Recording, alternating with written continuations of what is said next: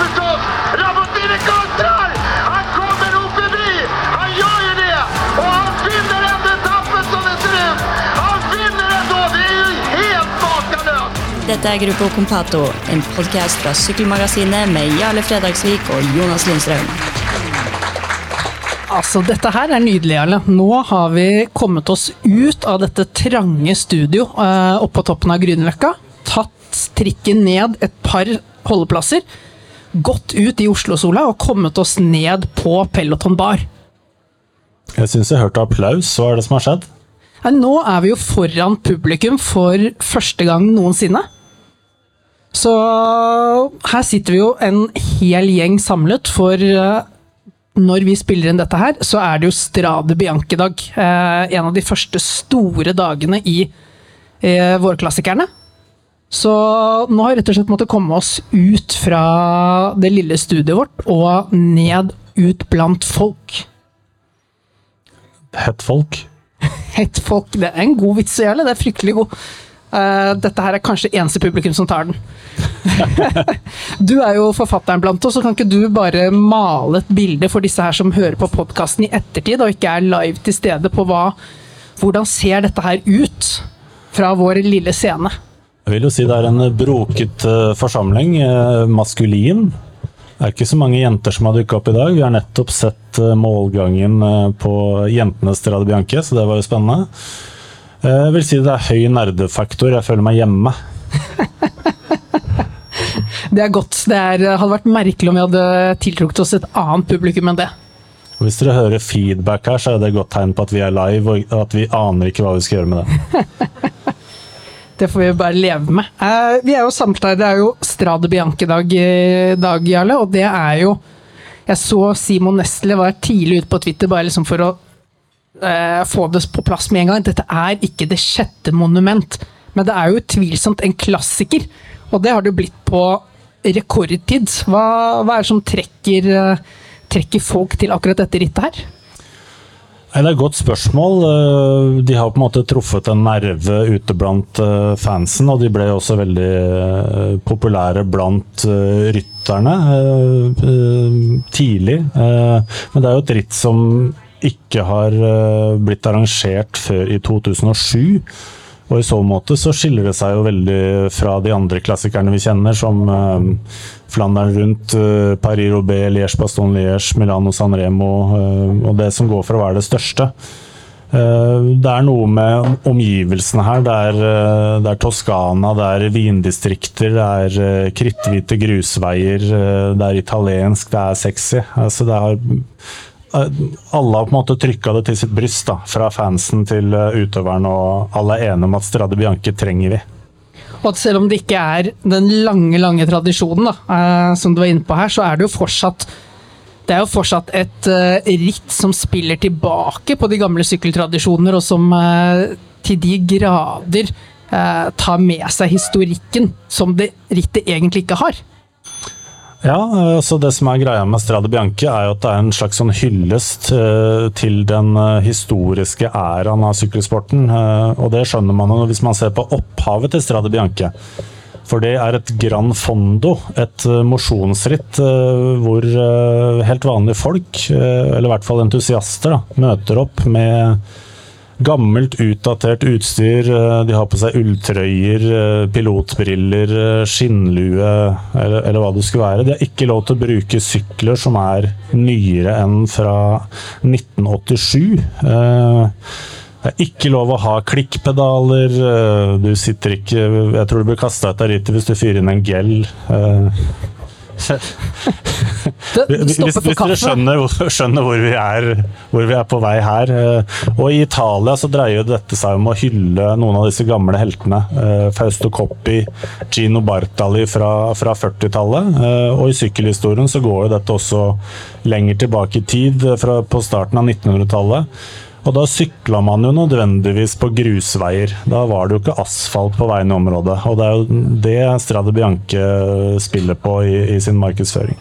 Og sånn sett så har den jo klart å ta sin plass på kalenderen utrolig raskt. Eh, og det er jo Vi skal litt innom dette her eh, diskusjonen hva er liksom forskjell på begrepet å være et monument og det å være en klassiker. Eh, for hvis vi ser på resultatlisten til uh, Se på alle vinnerne av Strade Bianche disse få årene det har gått, så tror jeg ikke det er noe annet ritt i verden egentlig som står noe særlig tilbake til den snittanseelsen på de rytterne som har vunnet her.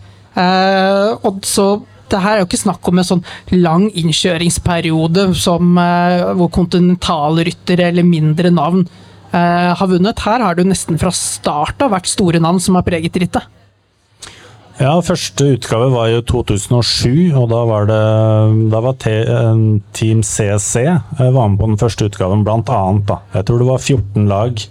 8-9 var italienske, noe som ikke er unaturlig, men CC var med, de hadde et bra lag. Og Da var det Aleksandr Kolobnev som vant, eh, og han holdt på å bli kjørt inn mot slutten av eh, svenske Markus Ljungqvist. Og med der var også Kurt Asle Arvesen, som jeg tror han fikk en topp 15-plassering. Året etter så tror jeg Fabian Cancellara tok sin første av totalt tre seire. Han sykla også for CEC. Cancellara har vært en viktig mann for det rittet her. 2009 så var det svenske Thomas Løvqvist for HTC, og i 2010 Uh, det snakka vi om i stad, var ikke det Maxim Iglinski med Løvkvist på andreplass? Og det sier vel sitt, for da har du gått gjennom egentlig de navnene som er minst spektakulære på vinnerlista. Altså Iglinski og Løvkvist. Det er det laveste du kommer. Etter det så har vi jo hatt Cancellara flere ganger, og du trenger liksom bare se på de siste tre utgavene. da. Julian Alaphilippe, eh, Wout van Art og Mathieu van de Poel. Da, når du har det på de siste tre årene, da skjønner du at det er duket for fest, og at dette her er et ritt for de store. Eh, og hvis vi i dag skulle få Pogacar som vinner nummer fire der, da har du på en måte fylt fire på rad, føler jeg, av de største stjernene. Hvis vi tar eh, Cancellara, da, 2016, da vant han rittet for tredje gang. Og da hadde jo arrangøren lovet at hvis noen klarte det, skulle de, eh, skulle de, eh, kalle opp en av sektorene, en av de viktige sektorene etter, etter vedkommende. Eh, og Monte Sante Marie, det er vel omtrent der hvor vi skal prøve å kutte podkasten i dag. Eh, og dere kan få nyte det selv. Den er jo nå kjent som Settore Cancellara, som en hyllest til Fabian Cancellara herlig. Det begynner å bygge seg opp uh, historikk i, i, dette rittet og jeg tror jo at uh, noe av det som også har vært med som suksessfaktor, er at du har fått inn RCS som arrangør. Det er jo de som har Giro d'Italia og de store italienske rittene, og jeg tror uh, Mulig at det er litt tilfeldigheter i spill, men jeg tror jo ikke de sitter og syns det er forferdelig at dette rittet nå har kommet inn dagen før Paris-Nice sørger for at uh, de flesteparten av stjernene stikker til Tireno Adriatico istedenfor til det rittet. Så, sånn sett så er det en slags liten maktkamp her også, da, hvor RCS har kommet, uh, RCS har kommet ut som, et, som vinneren. Og så må vi bare innrømme at avslutninga da, opp den siste bakken til Piazza del Campo, der det er et kjent uh, hesteløp ellers i året, hvor disse lokale regionene kniver mot hverandre med med vakre kostymer og, og sitter på, på ja, galopphester eller travhester. Nå begynner jeg å rote meg til ting jeg ikke kan her. Men eh, det er jo liksom uh, imagebygging og kulisser. Italienerne er jo veldig gode på det. Og du får jo ikke noe bedre målsted for et sykkelritt egentlig å komme inn der. Selv om oppløpet er jo litt kort. Så det er jo en uh, spesiell inngang til Siena. Men som oftest er det jo den sterkeste som kommer først inn, og da, da er det vel kanskje verdt det. Ja, så slipper du altså Du får ikke det her lureløpet de siste kilometerne, liksom som ser på hverandre og lurer på når man skal åpne spurten, men du får jo istedenfor eh, disse helt rå kampene på kraft og utholdenhet, slik som vi så bl.a. i fjorårets utgave, da når van de Poel vant. Men vi har vært litt innpå det, Jarle. Det er eh, ikke ennå et monument, dette her. Og grunnen til det er jo at disse, dette monumentbegrepet det kaster man ikke bare rundt seg. Eh, for sykkelsporten er, selv om den eh, går gjennom stadig modernisering, det dukker opp nye ting, det blir nye tradisjoner, så er dette her en idrett virkelig bygget opp på tradisjoner og historikk. Og der har vi jo noen ritt med mye mer av dette enn andre. Og dette er jo liksom først og fremst monumentene, samtidig som du har jo også sett litt på om er det kanskje noe som er litt overdrevet, eller er det noe vi kan diskutere rundt historikken av disse rittene? Litt, litt grann Mythbusters her? Vi kan ta litt sånn generelt først, da. Altså Kjennetegn på et monument. Eh, Det skal være gammelt, altså det skal ha lang fartstid. Eh, Det skal ha prestisje, og derunder så trenger det også ha en egen eh, historie å fortelle, dramaturgi. Eh, Og så skal det jo være langt. Det skal være fra 24-25 mil eller lenger. Eh, Og hvis du da tenker Strade Bianche, så er jo det det trenger ikke stå og falle på det, men det er 18 mil, så det er kortere eh, enn det som vi kjenner til monumentene i dag. Eh, og så har jeg drevet og lekt meg litt, har gått litt, uh, litt tilbake i tid. Uh, og det som jeg syns er fascinerende, det er jo, som Jonas er inne på, hvordan man endrer disse rittene underveis. Man gjør forskjellige grep med ruta, og det har også å gjøre med utviklingen av samfunnet og utviklingen av idrettsutøverne. Et, et ritt som var slitsomt og forferdelig tungt for rytterne i fjor, nei, ikke i fjor, for eh, 100 år siden, trenger ikke å være det i dag. Um, og det, eh, det er heller ikke sånn at nødvendigvis er det kun de eldste ryttene, eh, som blir monumenter. Men jeg, Det må noe mer til. det må noe mer til. Eh, og jeg begynte å, å dykke litt ned i Liège-Passon-Liège, fordi det promoteres jo som nettopp det eldste, La Doyenne. Og Liège Passon Liège uh, dukka for første gangen opp på kalenderen i 1894. Da var det et ritt for amatører, men det markerer starten til Liège Passon Liège. Um, og de første tre årene så var det en belgier som het Leon Hoa som vant Liège-Passon-Liège. Kun det siste av de tre årene var proffene invitert. Så dette er starten på Liège-Passon-Liège. Men i Belgia på denne tiden så var ikke landeveissykling det største. Det største var, eh, foregikk inne på velodromen eh, med banesyklister. Så Leon Hoa forsvant til velodromen, og Liège-Paston-Liège stansa som landeveisritt. Eh, kan- Man kan faktisk si at Liège Cyclist Union var faktisk litt forut for sin tid. De var for tidlig ute og rullet det konseptet her, og det er litt morsomt å tenke på i dag. Det har vært herlig å se noen gå rett fra en Liège-Baston-Liège-seier til å si nei, nå, nå avbryter jeg dette her, går jeg inn og så har jeg en 100% fokus på banesykling. Og det som skjer, er at øh, øh, 13 år senere så er Liège-Baston-Liège tilbake, og da er vi i 1908. Da blir det igjen arrangert ved én anledning for amatører, og så er det borte igjen i 1909. Og når vi har kommet til 1908, så er det mye som har skjedd. For da er Tour de France allerede i gang. Giro de Lombardi er der, Paris-Roubais er der, Milano San Remo er der. Og Giro d'Italia starter året etter. Så fra å være tidligst ute, så har Liège-Baston-Liège fått ganske stor konkurranse når det er tilbake igjen i 1908. Så her er de nesten, de er nesten liksom tatt øynene fra ballen. Den har begynt å rulle igjen før de har hekta seg på. Ja. Og så kommer det jo en verdenskrig. Det er dårlig kår. Eh, Landeveissykling er ikke det viktigste.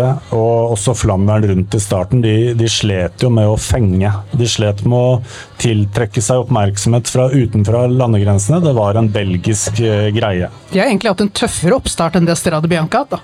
Ja, fram til nå, skal jeg få si. Tenkte jeg skulle spørre deg, Jonas. Vet du forresten hva som regnes som den aller lengste klassikeren? Lengste i eh, distanse. Ja, Altså per i dag så er det jo Milano San Remo. det er korrekt. Men sånn historisk sett ja, Historisk sett så er vel Milano San Remo jo en kort etappe selv i eh, et etapperitt. Eh, skal vi tilbake til Liège-Bastogne-Liège, da, eller? Nei, Du skal tilbake til noe som heter kriterium des As. Og det er egentlig Paris-Bordeaux-Paris som skjuler seg bak det navnet. 1208 km. Det, det, da får det ikke monumenten i dag til å se ganske smålig ut. Det var en franskmann ved navn Louis Mottillat som vant. Han brukte to dager og åtte timer, og da var det lov å ta seg en liten sovepause underveis. Og han vant jo også Liège-Baston-Liège noen ganger i etterkant, og det kan vel ikke overraske noen når han vant Paris, Bordeaux-Paris med enkelhet først. Alt blir enkelt etter at du har gjort unna det rittet der. Eh, Så, så det er jo en historikk her, uh, utvilsomt, som ligger, og det er jo en historikk også. Jeg tror vi, vi kan liksom touche inn på det allerede nå, Jarle, i og med at vi har eh, vært så vidt innom Flandern, vært innom Liège-Bastogne-Liège. Dette her er en historikk, og det er noe vi ser gjenspeile seg i dag òg, men som var enda sterkere tidligere. Dette er en historikk bygget opp på belgisk suksess. Dette er, det er litt sånn sykkelsportens bakgrunn er litt sånn som Norge har holdt på i langrenn de siste årene. Det er en enorm belgisk dominans. Ja, det var også noe som overraska meg litt når jeg gjorde den eh, researchen her. For jeg tenkte jo Paris-Roubais, da. Det er jo på en måte det, det franske rittet oppi her. Og det er med at uh, der hadde vel franskmennene ganske god kontroll. Uh, men det var feil. Det jeg har sett, da. Belgiske ryttere har vunnet Paris-Roubais 58 ganger. Frankrike har bare 30 seire. På tredjeplass så finner du Italia med 12. Og Fra starten her så skulle det gå 13 utgaver før du fikk den første belgiske seieren. Det var Cyril van Hovert som vant i 1908. Deretter gikk det tolv år og en verdenskrig før vi fikk den neste belgiske seieren. Det var Paul de Main. Og på 1920-tallet så bare eskalerte dominansen. Fram til 1935 er det kun 14 av 48 plasseringer på podiet som ikke tilfaller belgiske ryttere. Sagt på en annen måte i løpet av 16 utgaver vant kun Henri Pellissier, Eiri Suter, André Le Duc Paris Robé uten belgisk pass. Det er ganske enormt. Det viser jo også at det er ikke bare at belgierne har vært med og bygget opp sine egne tradisjoner og øh, egne ritt, men de har jo virkelig infiltrert og dominert øh, de andre rittene også. Det verste er at det fortsetter jo bare sånn. Jeg har funnet en spesiell periode fra 1978 til 1986. Da er det, sju, nei, da er det ni utgaver uten en belgisk vinner. Så det var lang belgisk seierstørke, og der er jo Francesco Moser, Bernard Hinault, Jan Rass, Henny Cooper, Sean Kelly, Marc Madiot. Eh, Belgia har dog fem andreplasser i den perioden, så de er ikke helt ute. De er alltid med der, eh, og det er det jo i for øyeblikket òg, men også hvis man ser dette her i større perspektiv Frankrike og Nederland, det er jo Nei, Frankrike og mm, og Italia det er jo større nasjoner, eh, så det må jo virkelig sitte. Og Belgia som idrettsnasjon i seg selv utmerker seg vel ikke sånn ekstremt mye i, på så mange andre områder enn sykkel, så det er jo virkelig tradisjonen eh, som biter seg fast her. Eh, men du var også inne litt på dette her, da, med særegenheten til disse rittene. Eh, Strade Bianca har funnet sin særegenhet. Eh, egentlig det derre mange har prøvd å kopiere Pariro B litt med å bytte ut brostein med grus. Eh, vi har Trobro Lyon eh, i Danmark, han har kjørt Grand Prix Herning i mange år. Men dette her er vel omtrent første løpet som prøvde ved hjelp av grus å kopiere en en mellomting mellom Flandern rundt og Liège-Baston-Liège. Ja, også i år så fikk vi jo den spanske versjonen da, av uh, Strade Bianche i Classica HN, som uh, Aleksej Lutsenko vant. Så det er jo litt spennende å se om, om, det også kan bli et ritt som klarer å finne sin plassering og sin uh, funksjon på, på, en ganske fullspekka kalender allerede. Men med alle disse nye rittene som kommer, da, og utfordrer Eh, og man kan jo liksom trekke dit at det kanskje truer statusen til eh, disse monumentene. Hvordan, hvordan, har de jobbet opp gjennom tiden for å beholde sin særegenhet, unikitet, og, og fortsatt være relevant for eh, både rytteren og ikke minst tilskuerne? Ja, Det syns jeg er litt kult. Og da har jeg kikka litt nærmere på Milano Sanremo. I dag så sier vi ofte at Milano Sanremo er spurternes klassiker. Og med det så sier vi ikke at der blir det massespurt hver gang, for det er for enkelt. Men det er blant monumentene så er det eh, rittet som spurterne har størst, størst sjanse til å vinne.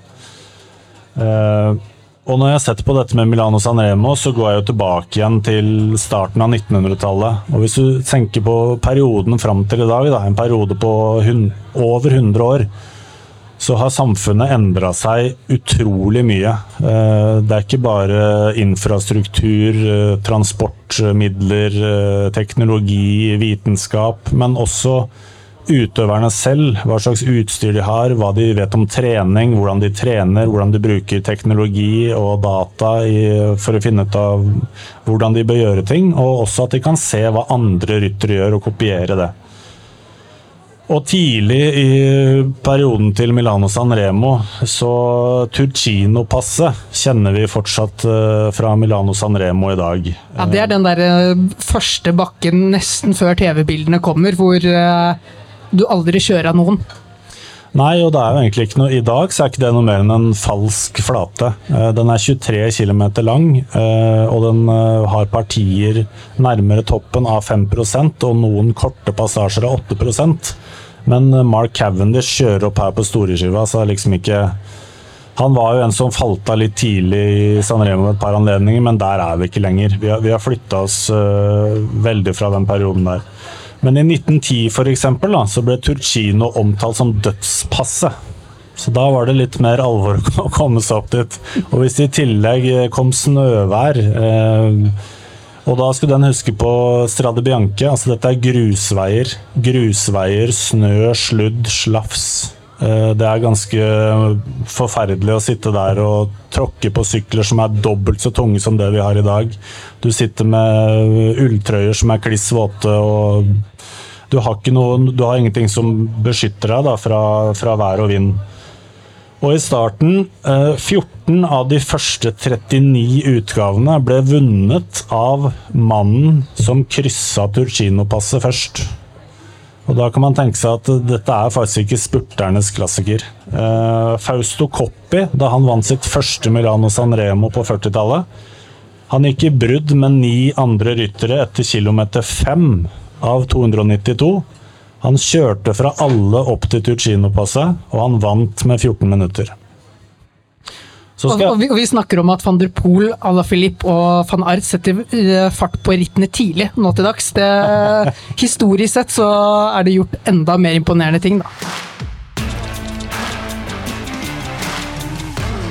Og så skal jeg hoppe litt til 50-tallet, for da begynner det her å, å endre seg noe. og Det har jo med, det har med oppjustering av veinettet etter krigen. eh, Det har med at rytterne blir bedre trent. eh, De, blir bedre utøvere.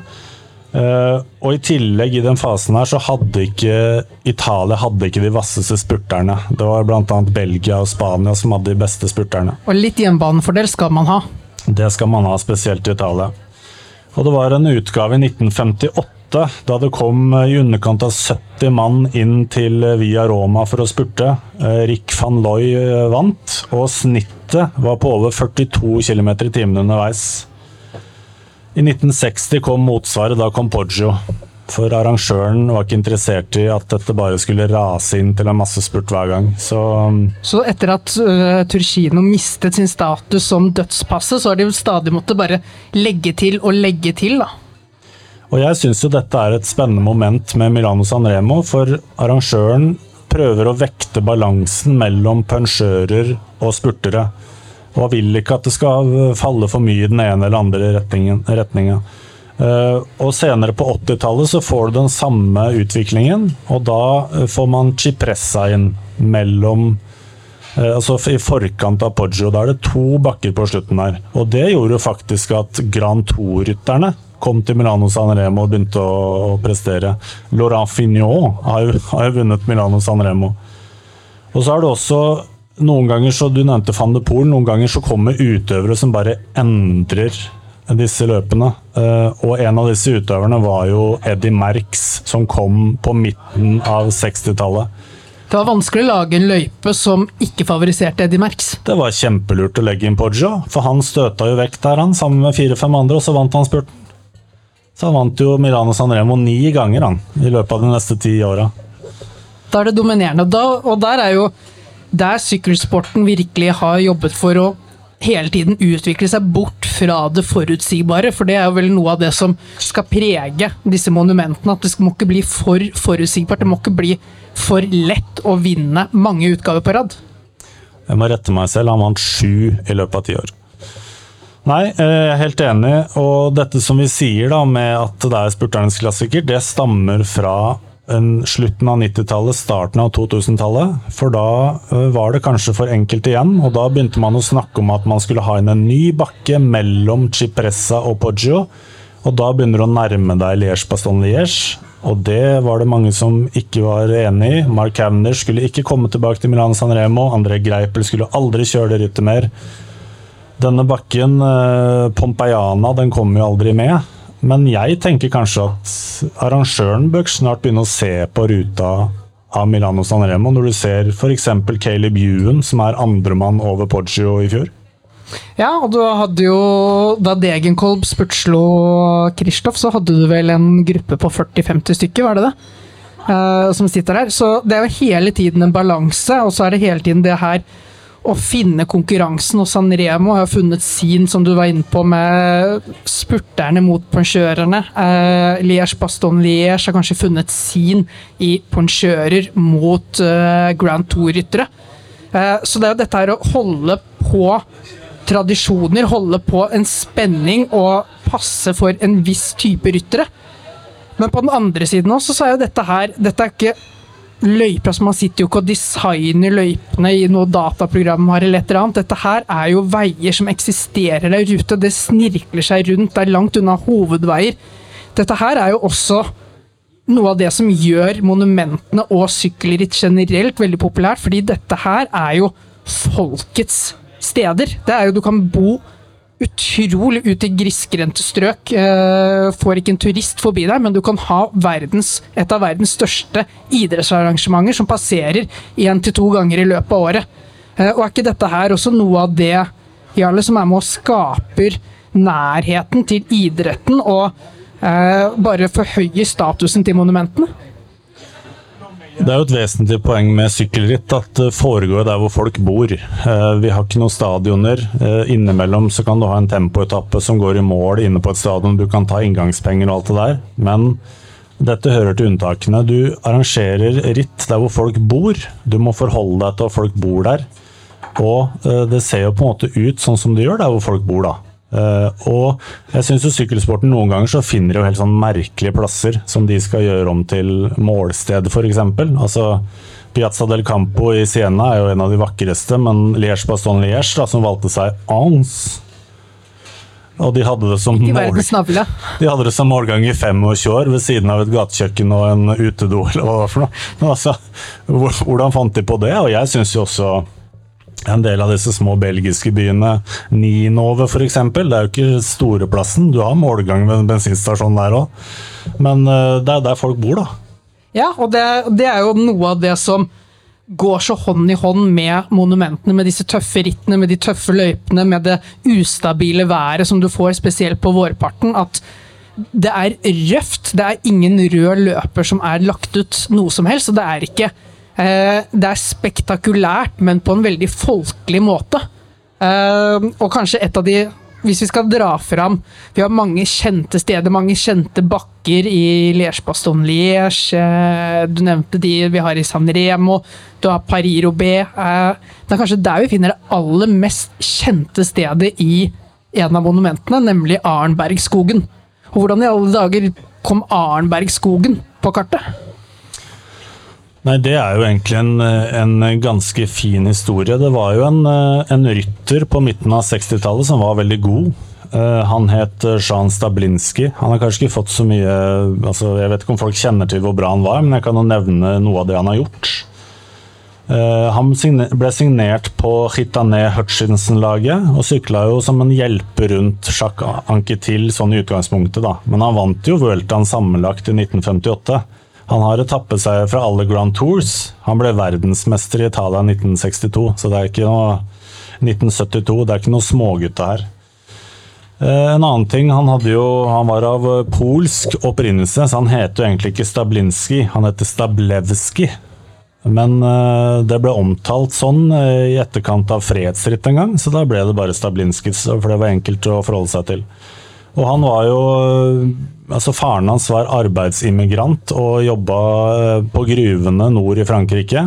Eh, og han døde i en arbeidsulykke, så da måtte eh, Sean Stablinski som 14-åring sørge for at familien tjente penger, og ta seg jobb i gruvene. Og jeg tror når han var 19, så jobba han under jorda i Arnbergskogen. Der ligger det en gruve. Og det er jo han som har fortalt oss at under selve brosteinspaveen så går det gruveganger. Det var ikke mange som kjente til det. Hadde du ikke jobba i gruva, så hadde du ikke visst noe om det. Så han tipser jo ledelsen i Paris Robé og får han løypedesigneren til Arnberg for å sjekke ut det her. Eh, og de er skeptiske. Altså Går det an å sykle på det her? Det ser jo ikke ut i måneskinn. Hvordan skal det her gå med proffeltet, hvis vi kan kalle det det? Så det ender med at Jack Godet, som var rittdirektør, måtte også innom der og inspisere. Og han var sånn Nei, jeg tror ikke vi får til det her. For røft. Ja, det så, det så litt røft ut. Eh, men så klarer de å overtale den, Stablinski og Bouvet, som han designeren het. Eh, og arrangøren av Paris-Roubais var også tvunget til å tenke litt nytt. Eh, for på midten av 60-tallet så var de nede i jeg tror det var omtrent 25 km med brostein. Og brostein var jo Paris-Roubais. Så de flytta rett og slett fokus ut fra det området de egentlig var i, og dro konseptet lenger nordover i Frankrike. Og Arnberg ble jo med, og det året de fant også andre brosteinspartier eh, foran den utgaven, men da fikk du antall eh, kilometer brostein opp i 56,5 km. Og såpass bør det jo være når det skal være et brosteinsritt. Men dette er jo også et, et vesentlig poeng at det, det, er rundt de store byene, eh, for du har jo veldig mange eh, ritt med utgangspunkt i Paris, med utgangspunkt i de store byene, men der blir det jo stadig mer og mer modernisert. Det blir mer og mer eh, motorveier, store, brede, fine veier. Mindre og mindre egnet for denne type sykling. så sykkelsporten har jo på en måte For å holde litt tak i disse gamle tradisjonene og disse måtene å sykle ritt på, så har det jo trukket mer og mer vekk fra storbyene. Der kanskje andre idretter oppsøker folk der de er, i, i hopetall, og der det er enkelt å valfarte til eh, som utlendinger for å oppleve idrettsarrangement. Så sykkelsporten, og i form av monumentene spesielt, virkelig tatt et steg i andre retningen. Jeg tenker også det er helt vanskelig for en borgermester hvis du kommer inn i byen hans og sier du, skal vi fjerne den brosteinen her og gi det asfalt i stedet? Så er det jo veldig mange som hadde sagt ja. altså De tenker jo ikke på sykkelløpet. Men så er det jo også eksempler på det motsatte. Hvis jeg bare kan hoppe inn i Flandern rundt-historien med en liten digresjon. Kjenner dere historien rundt Paterberg? Dere har kanskje hørt i forbindelse med sykkelsendinger tidligere. Men uh, det var jo da en bonde i Klusbergen som syntes at Flandern rundt var superfett. Det ville han ha forbi huset sitt. Eller gården sin. Så han fant jo da den bratteste bakken han kunne finne i uh, området hans. da, Den var jo ganske bratt, det var jo Paterberg. Og brosteinsla den for å han, han gikk motsatt vei? for å innynde seg hos arrangøren, og det funka jo. Avmodifiserte veien. Han har jo fått uh, den avgjørende bakken nå. Ja. ja. nå har han jo fått jackpot, han. Jeg kan bare si med Arnberg, da, det ble jo ikke noe kaos når hovedfeltet skulle inn der første gangen. Uh, vi har jo sett at det har vært kaos der tidligere. Og i den første versjonen så ble det spurt mellom Eddie Merx og Herman van Springel inne på velodromen i 1968. De neste seks utgavene etter innføringen av Arnberg så ble det vunnet solo. Så det hadde jo litt å si for Jeg skal ikke bare si at det hadde med Arnberg å gjøre, men det er liksom Der starter finalen. Der må du sitte i posisjon. Der kan lokomotivet løpe utenfor din rekkevidde. Og det er jo det som er spesielt med disse rittene. at Innføringen, eller å ta bort enkelte partier, er jo ikke det ene og alene som påvirker, men alt er bare med på å skape spekulasjoner i forkant. Hvordan endrer disse Eh, forandringene. Hvordan endrer det rittet totalt? Hvordan kommer det til å bli kjørt? Og så, så er det nesten hvordan ryttere og lag reagerer på det som eh, blir av løypeendringer, som virkelig skaper forandringen. Og Da må vi også huske på at Arnberg 1968, første gangen det er med i Paris-Roubais. Vi har tenkt at det har vært der fra tidenes morgen, kanskje. Det stemmer ikke. Uh, Champs-Élysées Tour de France fra 1975. Det har ikke vært der hele veien. De har gått Tidlig så gikk de i mål på Parc de Prince, som er mer kjent for uh, fotball. og det har også gått, gått i mål på andre velodromer. Uh, og også Paris-Roubais har ikke alltid gått i mål på velodromen i Roubais. Uh, et år så var det en lokal sponsor. Så da skulle de fikse noe på velodromen, altså det var greit, men da flytta de målgangen utenfor hovedkvarteret til den sponsoren. Da ble det ramaskrik. Det funka altså veldig dårlig. Men det er jo det her igjen, da. Tilpasning hele veien. Og, og man, selv om det er en utrolig eh, innholdsrik historikk, så er det, er det mange elementer av det som vi i dag kjenner som eh, nærmest liksom avgjørende for disse rittene, som er ganske nye. Ja. Hvis du skal velge deg favorittklassiker da, Jonas, eh, hvor, eh, hvor lander du da? Flandern rundt. Ja. For meg er det ganske lett. Og, og noe av det her går jo på Her vil jeg også trekke fram noe av det jeg syns er så fantastisk med sykkelsporten, hvor det er veldig mange andre idretter som har mye å lære. For vi har disse monumentene våre, vi har disse Grand Tour-rittene, men i mange andre idretter da, hvor det er store eh, høydepunkter som trekker alt fokus bort fra alt annet, så er det mer sånn at monumentene bygger opp muligheter for alle disse rittene rundt, mer enn at det fullstendig tar livet av dem. Og det er der du får spesielt kanskje Flandern rundt. Der har vi jo helt fra åpningshelgen i Omlopp Het Noisblad til vi kommer til Flandern rundt, så er det jo en gjeng med ritt som, hvor de beste deltar. Fordi de må ut der, de må kjenne på hvordan forholdene er eh, i år. De må kjenne litt på hvordan konkurrentene hvordan det føles ut. De må sette de nye lagsammensetningene, sørge for at vi er drillet i de riktige partiene av løypa. Så sånn sett så så klarer disse eh, rittene her i Liège Baston Liège skaper opp uh, Ardenner-trippelen. eh, Lombardia skaper eh, bygges opp med bl.a. Milano, Torino og Emilia eh, i forkant. Så, så de bygger så mye opp til det hele, og ikke noe ritt er bedre til det enn Flandern rundt. Eh, og så er det på en måte det som setter den ekstra prikken over i-en, er hvordan folkefesten i Flandern bare er liksom enda et knepp opp fra det vi opplever i de andre monumentene. Skal vi snakke litt om Flandern, eller? Ja, kan vi ikke gjøre det? Første utgave arrangert jeg vil si så sent som i 1913. Eh, legg merke til datoen 25. mai, så det er ingenting som er skrevet i stein. Eh, hvis du tar GP Skelder Prize, så starta de i 1907, så det er et eldre ritt enn Flandern rundt. Og så skjønner man jo at Skelder Prize, det er jo i hvert fall for spurterne. Og de mangler jo kanskje noe, nå har de flytta seg over til Nederland, men det er, det er noe med konseptet der som gjør at vi skjønner at det der er kanskje en klassiker, men det er ikke et monument. For, men de var ganske like, de to rittene der i starten, var det ikke det?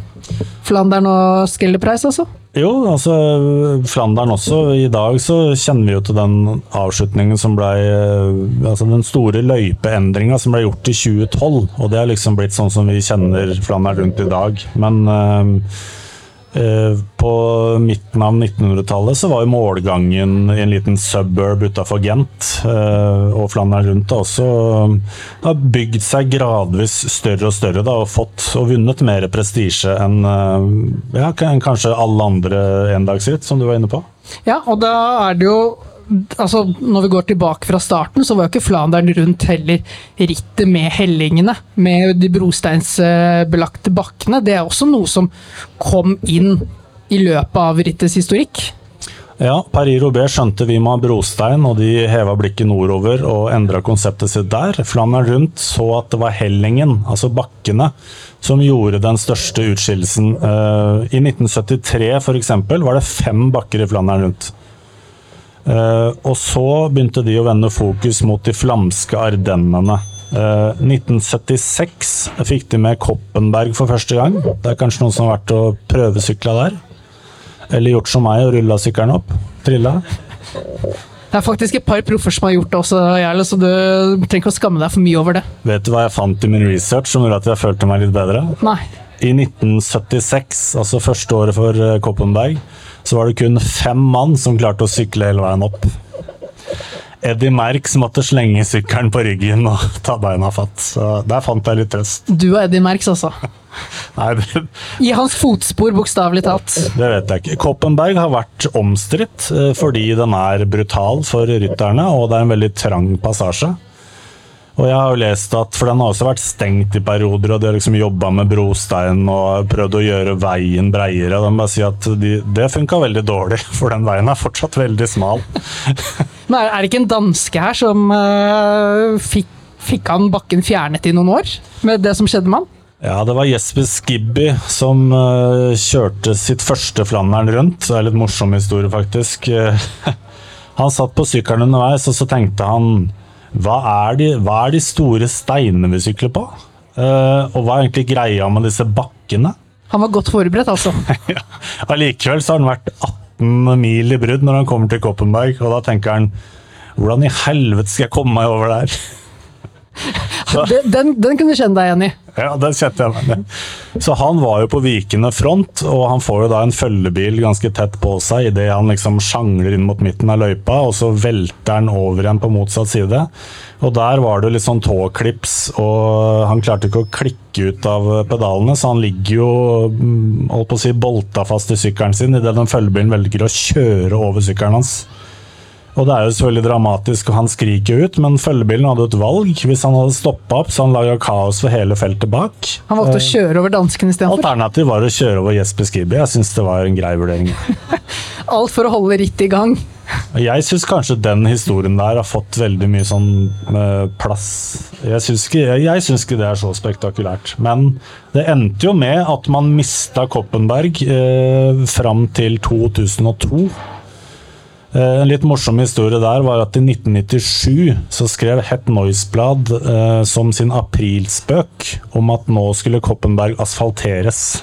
Og da strømma det jo tusenvis av folk ut i gatene og skulle gjøre opprør mot, eh, mot eh, ordføreren i Melden. Eh, Men det førte noe bra med seg, for de starta en pengeinnsamling. Og noen år seinere så hadde de nok penger til å importere brostein fra Polen og justere den bakken en gang for alle. Og da var den tilbake igjen i, i 2002. Men den har vært omstridt. Ja, Det viser jo også at du har, du har ting som er elementer som er viktige i rittene, men de er aldri helt avgjørende. Det er sjelden det står og faller på én ting, og det er jo det som gjør monumentene veldig robuste også. Eh, hvis vi tar også, Jarlev, Nå har vi liksom snakket mye om historikk i, i løyper, eh, hvordan man har tilpasset det for å få eh, få det rittypen man ønsker, men hvis vi også snakker litt om hvordan rytterne har tatt seg an disse rittene, så er det jo ganske stor forskjell på hvordan man forbereder seg i dag, og hva man gjorde tidligere.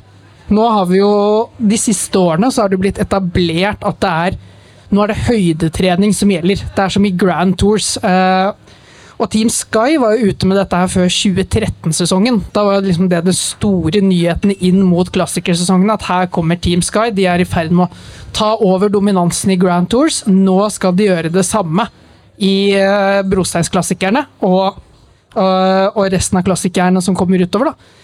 Så de drei, reiser opp, eh, dropper mange av disse innledende rittene, som det er på en måte fram til da etablert en sannhet om at de må du kjøre før du kommer til Flandern rundt, før du kommer til Paris Robé. Dropper de, drar på høydecamp istedenfor. Og så, da, storlaget ender da opp med en tiendeplass i Milano San Remo til Bernhard Eisel, en 17.-plass til Edvald Boasson Hagen i Flandern rundt, og en 12.-plass i Paris-Roubais. Det skal sies at de pådro seg rimelig kraftig magesjau på Tenerife. Så de var ikke helt i vater når de kom tilbake til klassikerne. Nei, men det var likevel så var det på en måte en langt nok unna det de hadde håpet på, at Sky valgte å droppe høydesamling før 2014.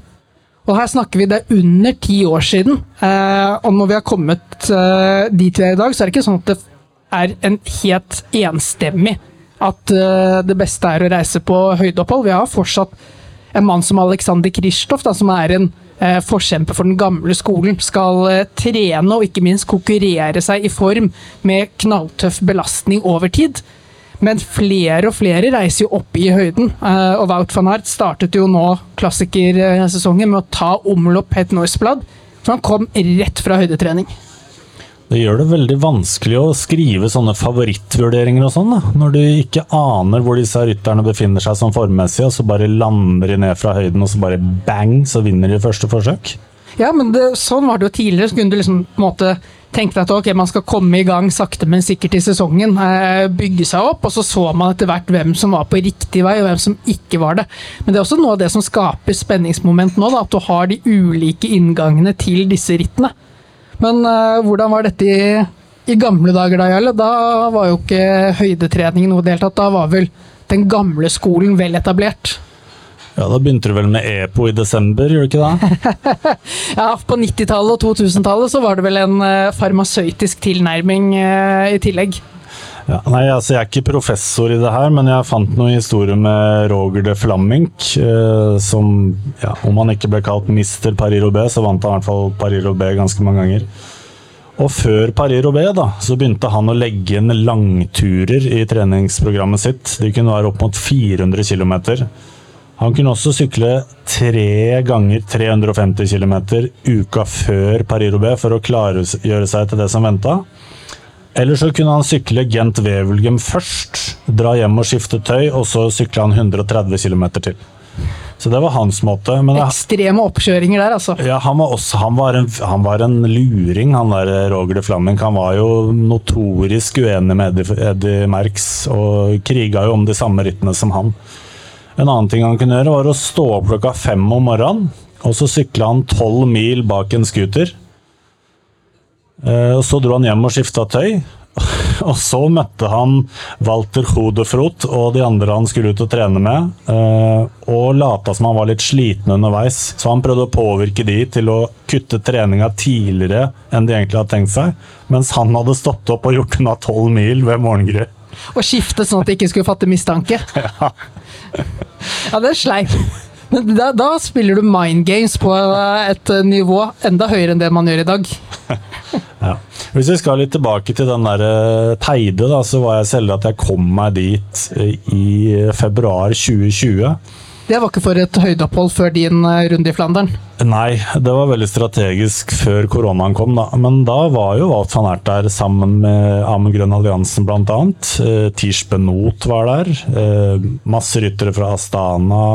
Bahrain var der. Ganske mange lag som var der, men, og Søren Krag var der.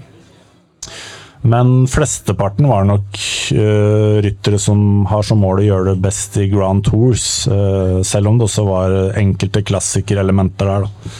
Men det virka jo som det var liksom litt, litt sånn kjedelig og rolig tempo og litt sånn langtur og Ja, sånn somle seg i form til klassikerne.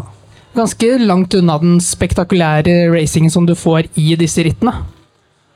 Ja, det vil jeg si, og derfor er det også interessant at det ser ut til å fungere såpass bra. Altså, jeg mener eh, Jasper Stoiven også tror jeg kom rett fra høyden Men var, han vant jo Milano San Remo, han vant vel også Het Noise-blad et år, ikke det? Jo da, så han har jo også truffet veldig godt, godt med dette her, men det er jo der har du også dette her hvor du tidligere hadde disse belgierne som uh, trente sammen i oppkjøringen. Nå er det blitt mer og mer lagmessig uh, hvordan man legger opp. Så, sånn sett så er det jo Du trenger kanskje ikke å ha den samme tilnærmingen uh, som The Flamnik, at du trenger å lure dine konkurrenter, for nå, nå er dere ikke å møtes hver eneste dag ute på trening. Jeg tror det Flammek var en litt sånn spesiell type i så måte, men ekstrem vinnerskalle, da. Han jeg husker han ble kjørt, av, kjørt ifra av uh, Eddie Merckx uh, da han vant uh, Paris-Roubais med 5,5 minutter et år. Men det skal også sies at De Flamming pådro seg en punktering på vei inn mot velodromen. Han sa at han hadde aldri klart å kjøre fra meg hvis jeg ikke hadde punktert på den sektoren der. Året etter så vant han Paris-Roubais. Ja, da lå kanskje noe i det. Noen, er det noen utgaver du ønsker å trekke fram av disse monumentene opp gjennom historikken? Da, Jarle? For du har jo hatt Vi har sett mye spektakulært, bare vi som har fulgt med på 2000-tallet, men jeg vil tro at med alle disse dette dødspasset som har vært, og Arenbergskogen som man egentlig ikke vil ha inn, ryttere som blir kjørt over av følgebiler, må ligge noen en, en ordentlig god historie eller to eh, bak historikken. Nå syns jeg du spiller meg opp fint, Jonas. Jeg, tenkte, jeg trodde det var innøvd. Ja. Jeg tenkte jeg skulle snakke litt om, om uh, utgaven av Milano San Remo fra 1910. Du velger det høydepunktet, ja? ja den, Lengst fram i hjernebarken for alle oss. Ja, Den kan jo alle på rams. Jeg tenker at den passer bra pga. Eroica, og at vi snakker litt om den historiske æraen til sykkelsporten i dag. 1910, det sier seg selv at det er grusveier.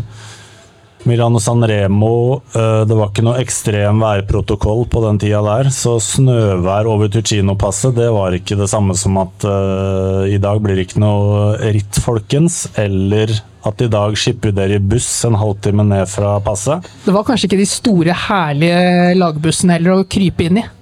Nei, men en ting som overrasker meg, er at det var hele 256 ryttere som hadde registrert seg i forkant for å kjøre. Altså, det er et stort felt selv en dag i dag. Ja, det er et voldsomt felt. Av disse da, så var det 71 som møtte opp, og det var 63 som faktisk endte opp med å legge ut på denne famøse reisen. Så noen trakk seg på startstreken, da. Jeg tenkte litt sånn Facebook-arrangement hvor du sier at du er interessert eller Ja, attending. Ja, det er litt sånn det faller av støtt og stadig fram til man begynner.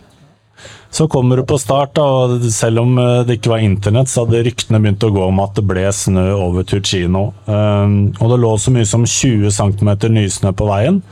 Og det var problematisk med det utstyret de sykla på, og sykler som var 12-13 kilo eh, tunge, og, og klær da, som gjorde alt annet enn å ikke trekke til seg vann og gjørme og dritt på vei oppover. Og det er en mann som heter Eugen Christophe. Han eh, ble kalt The Rooster. Han eh, setter seg på en stein langs løypa og har magekramper underveis. Og på den tida her så spiste rytterne gress og hele egg og sånn for å få i seg næring underveis, så de var, de var hardbarka. Han var lova dobbelt lønn fra laget sitt hvis han vant Milano San Remo, så det trakk litt inn, da. Og så sitter han på denne steinen og så ser han et hus litt høyere opp i lia. Uh, og så tenker han på skal jeg stå her, eller hva gjør jeg?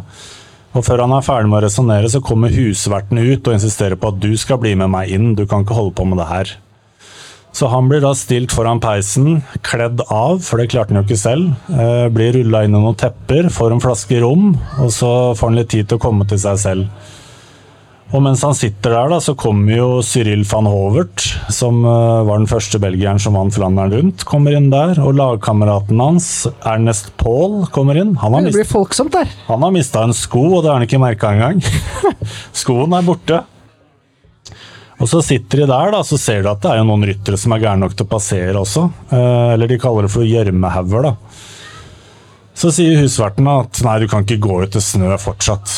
Han har fått lånt seg litt tøy og fått igjen varmen. Og så sier han at ja, men jeg skal møte en kompis, skal jeg ta toget til San Remo? Det skal han jo selvfølgelig ikke. Han skal ta inn eh, 1909-vinneren av Giro d'Italia, Luigi Ganna, som ligger foran løypa, og tre andre italienere. Og når han kommer til eh, sjekkpunktet, for det hadde de jo før, eh, nesten som orientering, at du måtte innom sånne kontrollstasjoner for å vise at du fortsatt var med i rittet. Forhåpentligvis noe som lå et stykke unna jernbanestasjonene, da. Ja, det var ikke alltid Det var ikke alltid sånn. Det siste av dem lå i Savona, da den tatt igjen alle og hadde 15 minutter tilbake til Ghana og ytterligere 11 minutter tilbake til Albini. Og etter 289,3 km, 12 timer og 24 minutter på sykkelen, så kommer han til mål, og da var han litt usikker på om seieren kom til å bli stående, for hadde han sykla riktig hele veien underveis? Det er heller ikke så lett når det ligger nysnø overalt, og veimerkinga var ikke som i dag, løypemerkinga fantes ikke. Men eh, den ble stående, da. Eh, Han Ganna ble nummer to, men han ble diska. For han hev sykkelen inn i følgebilen og gikk opp til Tucino-passet. Det var ikke lov. Så var det en annen italiener som tok toget, Jonas, eh, mellom Pavia og Novi Ligure. Han ble også kasta ut av rittet. Og så var det en fyr som bare kom for seint til alle kontrollpostene, og sikkert også etter at de hadde pakka sammen i målområdet. Så det var fire Han røk på tidslimiten. ja, så det sang. Det var fire stykker som uh, fullførte Milano Sanremo i 1910. Uh, et ritt som ofte blir referert til som det hardeste sykkelrittet noensinne, og da med tanke på forhold, utdatert utstyr, infrastruktur. Uh, for det var jo fortsatt Milano Sanremo uten Poggio og Cipressa, så det var jo ikke sånn Det var ikke løypa som var så sykt hard. Du er brutal når du disker noen på tidslimiten, som fjerdemann i et ritt. Og The Rooster da, han tilbrakte den neste måneden på sykehus pga. frostskader og andre komplikasjoner.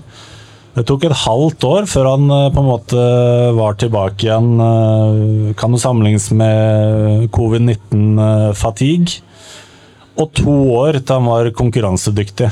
Så var, var voldsomt mye for dobling i lønn. Ja. Det var en, eh, en røff, røff runde. Uh, og så ille er det jo heldigvis ikke fortsatt, men det er ikke mange år tilbake i tid før, uh, før vi faktisk hev rytterne inn i bussen i San Remo og, og skippet de videre. Så fortsatt så risikerer man jo dette her, og det er jo et av poengene med, med disse klassikerne og med disse monumentene, at de går jo ofte i i en periode hvor det er veldig ustabilt vær, noe som gjør at vi trenger jo ikke Altså, Det er fint å endre på løyper og legge nye elementer, men det trenger egentlig ikke det heller for å gjøre én utgave forskjellig fra den forrige. For du kan fort få værforhold som bare endrer forutsetningene fullstendig. Syns vi begynner å ha mye syklister i lokalet her nå. Dette blir jo skikkelig Strade Bianche-party. Ja, det er, eh, det er sånn det skal være. Og, og da tenker jeg også litt, ja, vi må liksom, Før vi avslutter og runder av helt, så må vi touche borti dette her også. Hvorfor? Altså, i Tour de France så får jo Tour de France er ritter som får mange mennesker til å gjøre det helt unaturlig ved å trekke inn fra stranda et par timer før vi egentlig ønsker, fordi vi må få med oss etappen i Tour de France. Mens disse klassikerne de kommer på vårparten, spesielt i Norge. egentlig Utrolig dårlig timing. Vi har påskesola som kommer, de første vårtegn.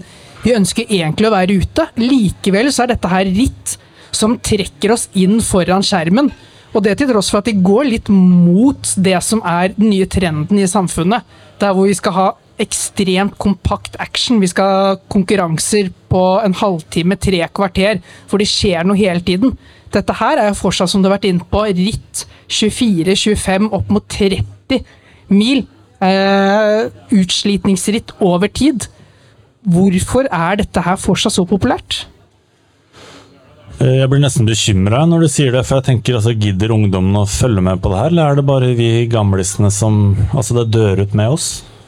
Ja, det, og så ser du på meg.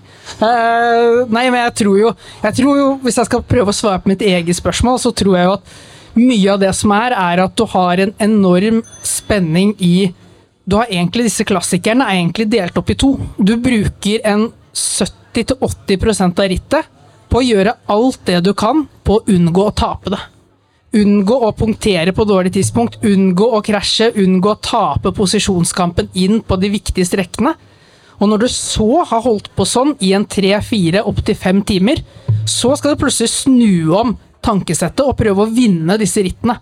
Så sånn sett så er det, selv om det ikke er action konstant, så ligger du alltid den her, dette uromomentet på når er det rittet eh, kan bli tapt av de store favorittene. Og Det er derfor også vi, når vi sitter her og livepodder som en oppvarming til Strade Bianche, så plutselig så går det liksom et gisp gjennom eh, publikum her, fordi Ala Filip og en hel del andre folk krasjer ut. Og det er nettopp det, du aner ikke når disse rittene kan tapes. Du kan si noe om når de kan vinnes, men eh, det er liksom en hel historie. da. Jeg har liksom sammenlignet det litt med at du ser ikke bare et sykkelritt i disse monumentene. Det er nesten som å binche en TV-serie, hvor du ser episode, episode etter episode. Her binsjer du brosteinspartier på brosteinsparti, eh, helling på helling. Så det er virkelig noe liksom å se på hele tiden. så Sånn sett så Jeg håper jo at det er relevant, og skulle det dø ut alle andre steder, så vil jeg tro at eh, disse ivrige folkene i Belgia i hvert fall holder tak i det en stund. Jeg syns et annet moment er jo faktisk eh, TV-dekninga, som bare blir bedre og bedre og bedre. Eh, Noen ganger så er det en forbannelse. altså De viser jo Milano Sanremo start til mål, og det kan jo være drita kjedelig. Men Paris-Roubais da, og Flandern rundt, som er de rittene vi kanskje liker aller best, og også Strade Bianche, fordi det skjer så mye underveis.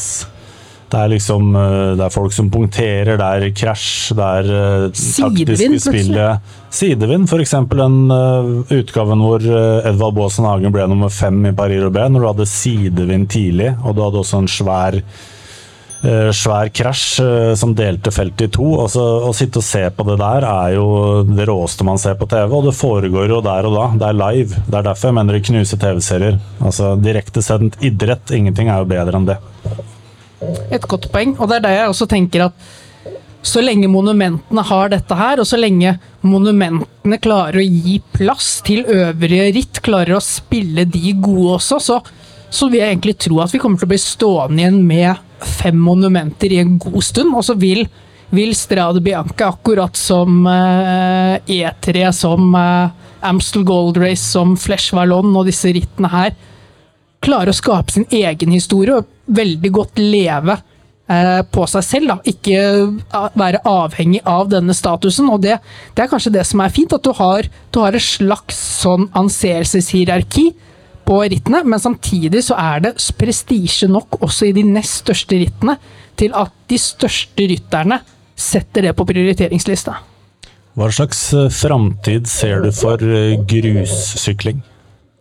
Som, Det- som konsept? Jeg tenker jo at det er veldig i vinden, og trenden eh, vil Altså, det her kommer og går i trender, så jeg vil jo tro at den vil avta noe med tiden. Men at de store rittene, de som virkelig etablerer seg eh, som noe nå, har en fremtid eh, der, det tror jeg absolutt.